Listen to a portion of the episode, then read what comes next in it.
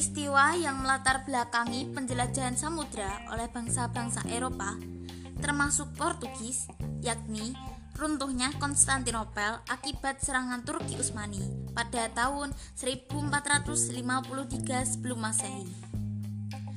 Hal itu menyebabkan akses perdagangan internasional di kawasan Laut Tengah terhambat, yang menyebabkan harga rempah-rempah di Eropa melambung tinggi sehingga Portugis mencari sumber daya alam ke kawasan timur.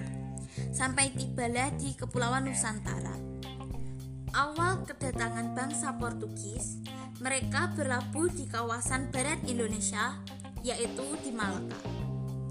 Karena datangnya bangsa Portugis di Kepulauan Nusantara, mereka ingin membuat kebijakan-kebijakan agar apa yang mereka inginkan tercapai yaitu rempah-rempah. Kebijakan tersebut adalah sistem monopoli perdagangan cengkeh dan pala di Ternate. Dua, berusaha menanamkan kekuasaan di daerah Maluku.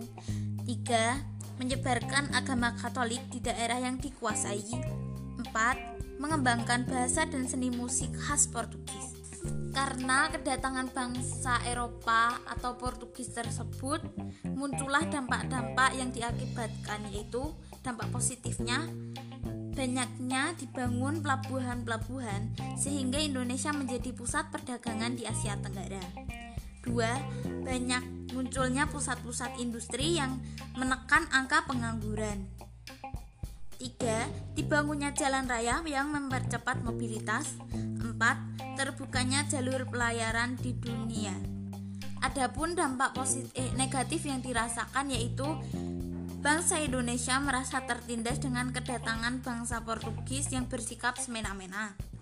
Terjadinya pemberontakan di mana-mana, adanya adu domba yang membuat terpecah belah, dan adanya perdebatan kekuasaan. Sekian atas pembahasan penjajahan bangsa Portugis. Terima kasih.